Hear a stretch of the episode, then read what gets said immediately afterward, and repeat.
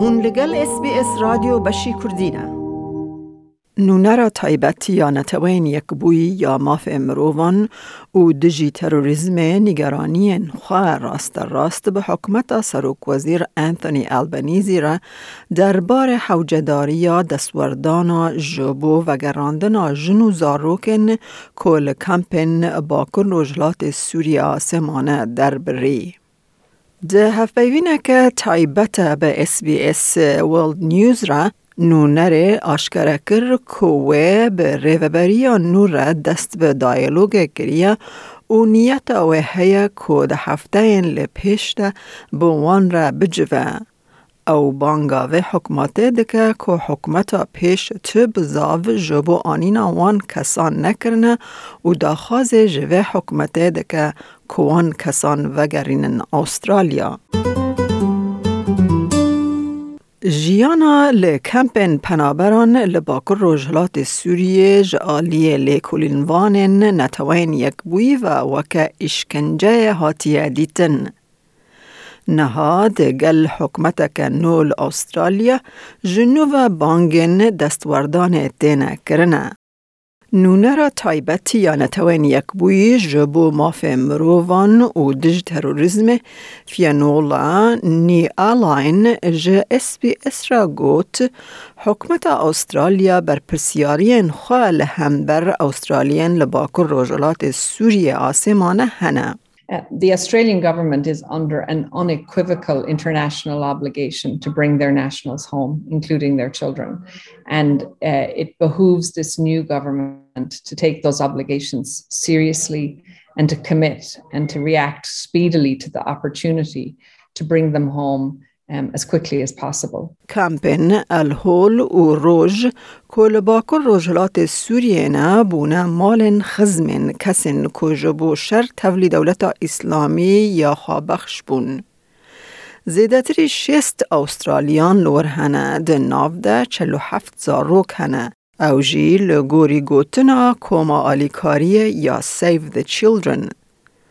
خاتونی الاین دبیجه لیکولینین دربار روشا کامپه خویادکن که روش وک اشکنجه And the situation in the camps is dire. Um, I and other special rapporteurs have found that the conditions meet the threshold for torture, inhuman, and degrading treatment under international law. These children are essentially living and growing up in a, in a mass detention site with absolutely no rights and no access to the most basic of services clean water, um, adequate um, hygienic facilities, no education, no health care. All of these things are taken from them. او تنگاهی جبو کمال دوبیسی کل سیدنیا گلکی کسانه گچاوی او سه نوین وی دناوان کمپاند هنه.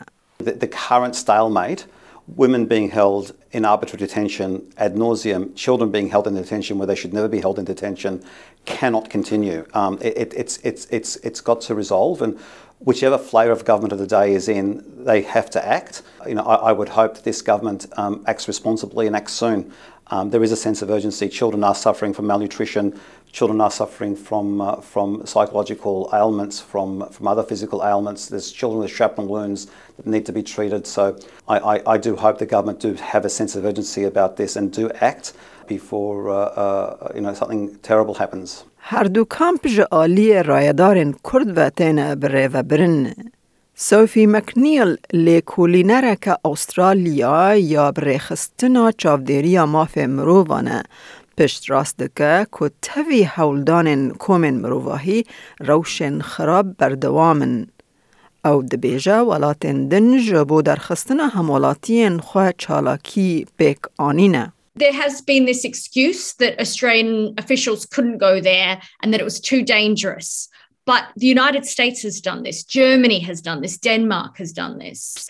And the United States has made it very clear that they want other countries to take responsibility for their own citizens and has offered assistance in doing so. So there are no excuses. Australia has to take responsibility for these citizens and bring them home, and where appropriate, to have criminal investigations and prosecutions for those members who are accused of being Islamic State supporters. و داوی بلژیکا بو ولات هری داوی کو همولاتین خوا کو شش جن و شانزده زاروک پیک دهاتن جه کمپا روژ و گراندن بلژیکا. حکمت بره یا مارسن خمن اولهی د پاراست ده ویواته کمت ترسین پیک آنینا پیوره که به همان رنگی پر زیده بون و دگوت که اولهی استرالیان پیشنی آوانه. لینها حکمت نو یا لسر دستالات حتی آنها پابند نبویه که گاوندن باویجه. داخازن اس بی اس جبو زلال کرن هلوست حکومت دربار و مجاره جی نبون او لشونه بردفک وزارت هات پیش نیار کرن و گوت حکومت استرالیا جروشا کامپین آوره نافخویی لبا کروجهلات سوی آگداره او گوت حکومت جاودیری خود دومینه حتی دست مبهت امده آلیکاریا چالکوان مروواهی بکن. خاتوونی ئالاین دەبێژە ژنێن لە کامپان گوتنە کو ئەو ئامادەنە بە هەر ئەنجامەکە یاسایەرە ڕوبڕوو ببن پشتی ڤەگەڕاندنا لە ئوسترالیا.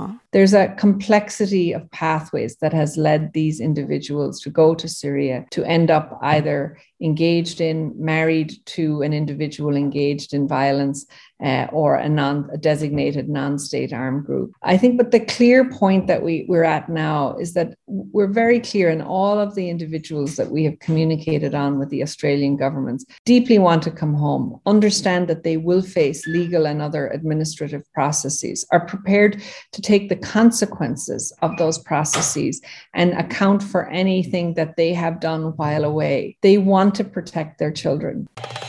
Like بك پارە بکە تێبنییا خە بنفسینە SسBS کوردی لەسەر فیسبوک بشۆبینە.